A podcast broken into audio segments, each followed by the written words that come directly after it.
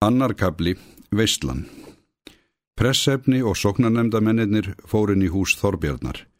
Þeir komin í snotra forstofu, dúkur á gólfinu, tungskinslampi í loftinu. Ég kemst ekki lengra svona á mig komin, sagði pressefni. Ég verða að fá leifi til þess að taka mér skóna. Og fjandakornið, sagði Þorbjörn. Við látum hvern fólki þurka af þeim á fótunum á yður. Til þess er það, meðal annars. Hann sótti stólinn í stofu og let pressefni setjast á hann. Viljið ekki fara út í eldhúspiltar og reyna að ná þar í eitthvað til þess að verka af ykkur. Þið komist þessa leiðina og segið þið stúlkunum að koma hinga með góltusku. Mennirni fóru. Stúlkan kom með tuskuna, hún var ung stúlka, holdug og þjettvaksinn, bjartleit í andliti með dögt hár, glampandi, forvitni augu, kvítar, þriflegar stuttar hendur og mjalla kvíta brjósöndu. Gat ekki Stína komið, sagði Þorbjörn. Pressefni heyrðist að honum myndi þykja miður. Nei, hún er annað að gera, sagði stúlkan. Jæja, reynda þurka, reynir þér að þurka af skónum kandidatsins, Sigurlaug, sagði Þorbjörn. Hann lendi í einum pittunum á miðri götunni. Þetta er ráðskonan mín. Ég hef aldrei átt við það að kvænast, en hef haft margar ráðskonur. Þessi þykir mér laglegust. Sigurlu blóður óðnaði. Hún kraup á kneframi fyrir pressefni og fór á þurk af skónum með tuskunni. Hann kunni því illa að láta þessar fallegu hendur vera fást við fórina á fótunum á sér. En hann sá ekkert undanfæri. Torbjörn stóð upp yfir þeim meðan á hreinsuninu stóð. Þegar henni var lokið vísaðan pressefni inn í stofu og bað hann að fá sér sæti. Útvegið þér mér eh, stífilaklauf, Sigurlaug, svo ég komist úr rosabullunum. Svo fer ég upp og þér komið þangað sjálf með skóhanda mér. Pressefni heyrði fyrirmælinn því stofan stóð opinn.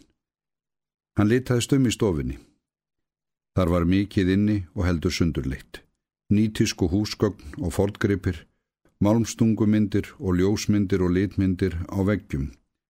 Kristján Níundi og Lófísa Drottning upp yfir legubeknum, beint á móti, alltaristabla með upprísumind, afbaragsvel gerðri um 300 ára gömul. Og við hliðin á alltaristöflunni skræpuleg mynd, oljuprentuð af hlæjandi dansmei. Mennirnir komu inn úr eldhúsinu. Pressefni spurði þá að nafni. Ég heiti Jón Sigursson, saði sá er þulið hafði erindið sem ekki var fordkvæði. Ég er alnafni fórsetans sálega í kaupmannahöfn. Ég var látin heita í höfuð á honum. Móður minni síndist ég veru svo líkur honum, ný fættur. ég er kaupmaður. Að nafninu hérna uppi á laugaveginum var áður bóndi, norður í Skagafyrði og ég er í soknanemdini. Pressefni fannst maðurinn förðu enginnilegur. Hann var svo undur lítill og veimiltítulegur og lavafrakkin á honum var svo síður og vattstífilin voru svo skrollvíð að ofan og það var svo langt á gólfinu millir fótan á honum og hann var svo skringilega drjúur í málrómnum. Samt var eins og þund, mjúkt og ljóskult hárið, blá og blíðleg augun, söðulnefið, skegglöst flatnesku andlitið og afslappar herðarnar á þessum títubrjónsbúk, allt væri að byggja fyrirgefningar á því slisi að maðurinn skildi vera til. Þá leitt pressefni spurnaraugum á hinmannin. Hann var svarthærður og svart skeggjaður, lítill og þreyturlegur smælingi í gomlum dökkum treyjufötum úr stórgerðu vaðmáli með svarta brjóslíf og pappiskraga um hálsin, blöytan af regningunni. Ég heiti Finnur Jónsson, saði maðurinn þurrlega. Og þér leiki stund á hvað, með leifa að spyrja. Hitt og annað, saði Finnur. Hann er stundum með sjómennsku, stundum í ferðalögum fyrir stundum með reikningum bæinn. Hann gerir margt og margt. Margt er að gera í henni Reykjavík. Ekki síst fyrir kaupmannin hérna í húsinu. og Finnur er margra barna fadir, sagði Jón Sigursson. Pressefni snýri sér að alltaristöflunu og fór að virða hana fyrir sér. Þá kom Þorbjörn inn. Nú, þér eru það að skoða alltaristöfluna mína. Mér þykir gaman að hafa eignast hana, ekki síst núna þegar ég er orðin hálf geistlegur. Ég fekk hana hjá kirkjubónda norður í landi. einhver stórríkur vittlesingur hafði gefið kirkjuna hana fyrir mörg hundruð árum. Ég gæti vist fengið tölvört fyrir hana ef ég vildi. Haldið þér ekki? En ég kæri mig ekkert um það. Hún kostaði mig ekki mikið. Hún kostaði engan neitt verulegt nema konungin. Og hann munar ekki um eitt blóðmörskepp í sláturtíðinni. Mannin langaði til að verða Dannebróksmann og hann var það, Karl minn. Ég sá um það, ha? Nú fjölgaðum tvo menn í stofinni. Þorbjörn sagði pressefni að þeir væri báðir soknanemdamenn.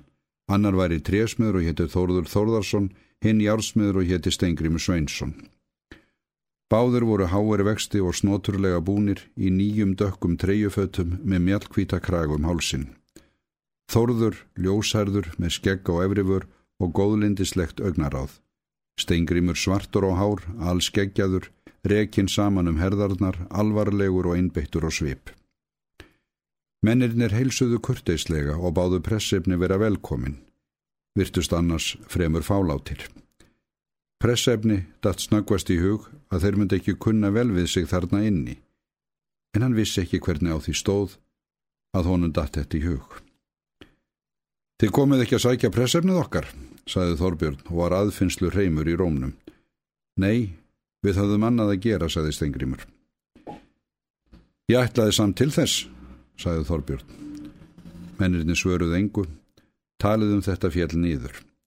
En pressefni var litið framann í Stengrim og honum fannst hann sjá einhver þau sviprigði á andlitinu á honum sem gæfu í skín að manninu stæði nákvæmlega og sama hvort Þorbjörn ætlaðist til nokkurs eða einskis. Nú skulum við fara að fá okkur eitthvað að borða. Gerið þið svo vel, meldi húsræðandi.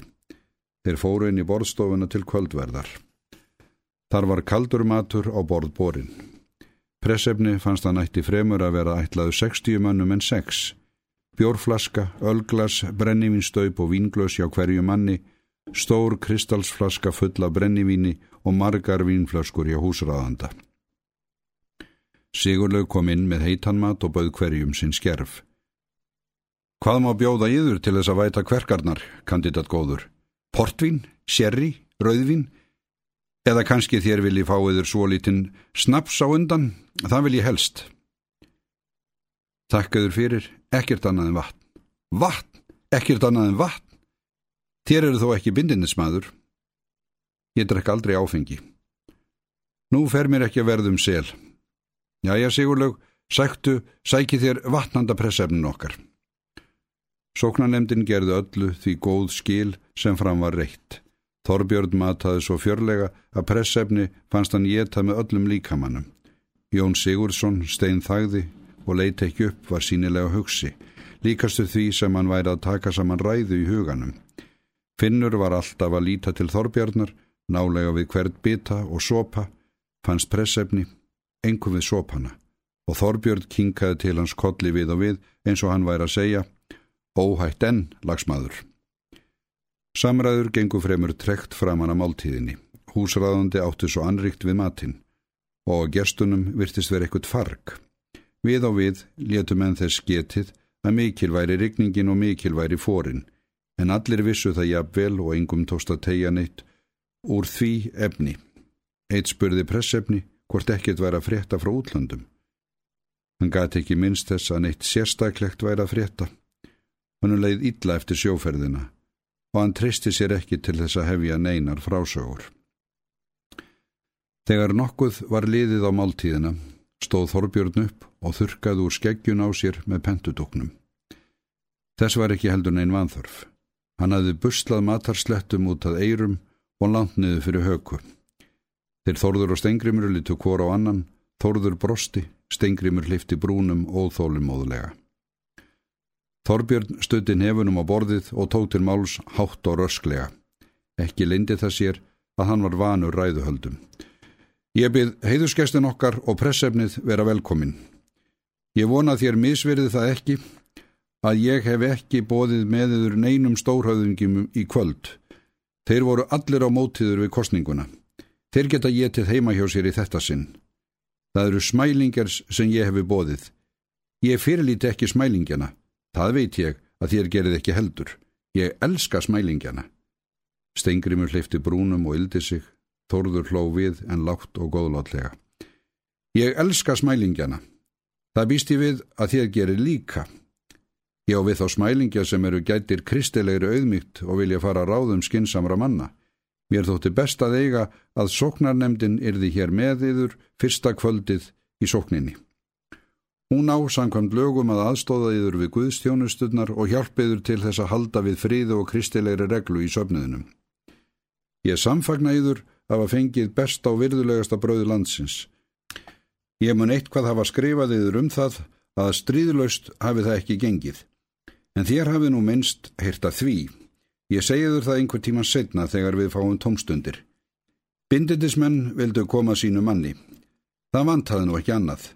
Þeir hafa gert bænum mikið ógagn og þeir eiga sjálfsagt eftir að vinna honum mikið ílt enn. Og embætismenn vildu fá sinnmann, gamlan ráðuríkiskaur sem ég vissi að ég gæti aldrei verið í neittni samvinnu við. En mínir menn vildu fá yður. Og þeir eruðu drikstir. Þeir hafa stundum orðið drikstir áður. Hver veit nema þeir eigi einhver tíman eftir að verða drjúur enn. En tæft stóð það. Mikið var fyrir mörgum haft. Vestur var helvítiðan Rolfur Hrib. Hann var búin að hafa út brennivín heila viku með hótunum um að svíkja. Kostningardaginn sett ég mann til þess að gæta hans að hann yrði ekki offullur og kísi. En hann var orðin öskufullur um fótaferðatíma og þrjá menn varði að senda til þess að koma honum á kjörstaðin. Færri réði ekki við hann og þegar hann kom ætlaði hann ekki að geta komið nafninu yðar rétt út úr sér bölvaður auðlins á varna. Og hugsið þér yður, ef hann hefði ekki komið eða aldrei komið nafninu yðar rétt út úr kæftunum á sér, þá yrðu þér ekki dónkirkjuprestur á sunnudaginn kemur. Þá hefði embætismanna kónin orðið það. Svo með ofurlittlum sannim á segja að Rolfur Hrib hafi veittiður embætið. Þeir eru nú reynda sumir að kvíslum að ég hafi gert það.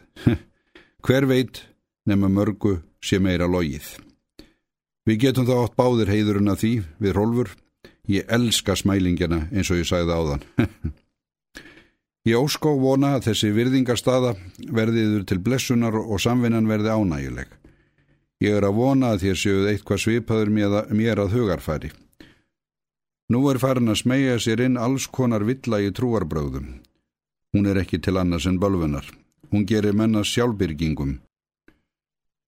Ég hefi marg tekið eftir því að þá alþýðumenn sem eru með hín og önnur útbróti trúaröfnum er helmingi verra að fá til þess að fara ráðum skimsamra manna en hína sem eru staðfestir í sinni barnatrú.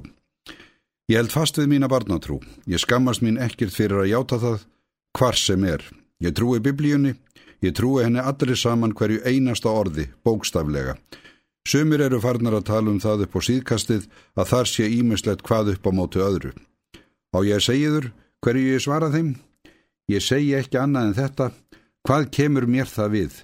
Guð hefur ábyrð á því. Guð hefur ábyrð á hverju orði í biblíunni. Hef ég ekki um nóg að hugsa? þó ég fari ekki að rekast í því sem Guð ber ábyrð á. Ég held fast við mína barnatrú hvað sem aðri gera og ég vil engin útbrott í þeim efnum.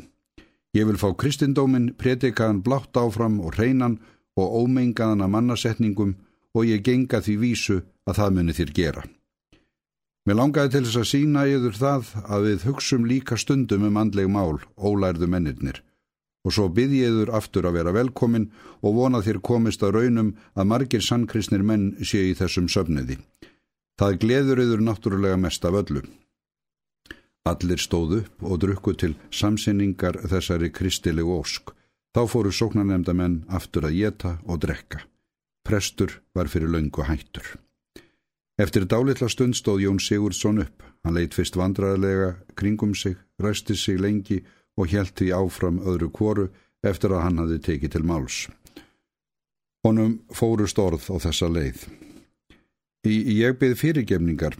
Ég er óvanur að halda ræður en mér langar líka til að byggja bjóða pressefnið okkar velkomið í nafni sapnaðurins og um leið langar mig að þakka húsræðandunum hér herra Kaupmanni Þorbirnu Ólafsinni fyrir þá sæmt sem hann sínir Kristinni kirkjuvor á meðal með því að taka í mál að vera hér í safnaðarstjórn. Pressefni hrökk við þegar Jón Sigursson nefndi sæmdina og leitt á ræðumann kvatskeitslega, Eftir það horfið hann stöðut niður á diskinn sinn. Ræðumadur helt áfram. Ég legg það undir dóm allra, óhlut vandra uh, uh, og segðu ólvil hallra balvaður, skoðt finnur inn í. Hann hafði drukkið fast meðan á ræðu húsraðanda stóð. Þorbjörn leið til hans kvössum viðvörunaraugum. Þorður hló. Stengrimur yfti aukslum, ræðumadur helt áfram. Ég legg það undir dóma allra óvil hallara manna uh, hvern ágóða Guðsríki muni hafa því að annarins maður uh, sem ber heill þessar bæjar á herðum sér skuli veri í safnaðarstjórn. Ég byrð ykkur að fyrirgefa, ég er ekki ræðumadur, ég byrð ykkur að drekka skál húsbóndans. Menn stóð upp, finnur heldur portvín í örglasið, held á nýpnum í glaslausu hendinni og veifaðu honum fyrir framann sig heldur ískeikilega Allir drukku. Pressefni tók tafalust til máls, settist ekki niður. Ég þakka fyrir þá gesturisni og góðvild sem ég hefur verið sínt hér í kvöld. Þegar máltíðin er lokið langar mig til að mér verði vísað á húsið þar sem sóknarnemdin hefur gert mér þann greiða að útföga mér herbergi. Sóknarnemdin var nú mett, allir fóru frá borðinu, finnur svalaði samt þostanum áður. Þórður og Stengrimur buðust til þess að fylgja prestefni heim. Þeir þökkuð allir fyrir sig, kvöttu og held út í myrkrið. Ætla hans ekki bölvaður þumbarið þetta pressefni okkar, sagði Þorbjörn með Jón Sigursson þegar henni voru komnir út úr dýrunum. Ég held það helst, sagði Jón Sigursson. Mér þykir undarlegt að hann skildi ekki þakka fyrir jafn skínandi ræðu eins og þér helduð fyrir honum. Hvað ætli margir leikmenn á landinu haldi aðrar eins að ræður? Ég er ánaður með það sem ég sagði um biblíun á barnatrúna, Karl minn, en ég er ekki ánaður með pressefnið. Það má mikið vera ef hann er ekki bölvaður þumbari, fer líklegast ekki að ráðum nokkursmanns. Þá væri ekki til einskis barist. Auðvitað fer hann að yða ráðum, eftir allt sem þér eru búin að gera fyrir hann. Hann skal, Karl minn, hann skal, Þorbjörn lamdi í stofuborðið. Finnur var aftur sestur í sæti sitt inn í borðstofu og hafði fengið sér að nýju portvín í glasið. Hörðirnar millir herbergjana voru opnar. Sigurlaug kom inn til þess að taka borðinni. Nú fylgið þér honum finni heim, saði Þorbjörn og Jón Sigursson. Hann er orðin fullur rævillin. Hann far aldrei ætt hann bita í kæftin á sér heima. Það er ekki furða þó hann salli á sig þegar hann kemst í eitthvað. Ég skil þetta ekki allt saman. Nú liggur hann á morgun eftir ofátt og ofdrykju í kvöld, en þetta er gott grei. Ekki vill hann gerur það sem yður þykir miður, tetrið. Það síndi hann ekki síst við þessa presskostningu. Þar var þó tókað fast í hann af hinnum, eins og reyndar í fleiri. Ég segi það satt um sjálfan mig. Já, já, ég veit það allt saman. Verst að það verður ekki til annars en bálfunar. Farið þið nú með hann. Þorbjörn var eins og annarsugar og horfði á sigurlugu. Já, nú komum við, finnur, nú förum við heim, saði Jón Sigursson og fór inn í borstofuna. Heim, átt finnur eftir honum og horfði geðmónskulega ofan í glasið. Hvað likur á? Nú förum við að hátta, saði Jón Sigursson. Hátta, ég hátta þegar mér sínist, saði finnur. Þorbjörn þreyfi öxlun á honum. Nei, nú förum við að hátta, Karl minn, sagði hann. Finnur leita á hans sljóum áfengisaugum eins og hann þekkti hann ekki. Þína stökkan upp úr sætunu. Jón Sigursson tók undir handlingin á honum svo hann rækið sig hvergjá og kom honum fram í forstofuna. Sigurlaug var búin að bera matarleifarnar af borðinu en var enn að dóta sig í borstofunni. Þegar Þorbjörn var búin að loka götudurunum eftir gerstunum kom hann inn til hennar gladlegur. Nú er það besta eftir, mælti hann. Gott að vera orðin laus við þessa karla. Þú vilt víst helst portvín? Best að loka svo Stína áfbyrst ekkert inn til okkar. Og húsraðandi og ráðskona settust nýður.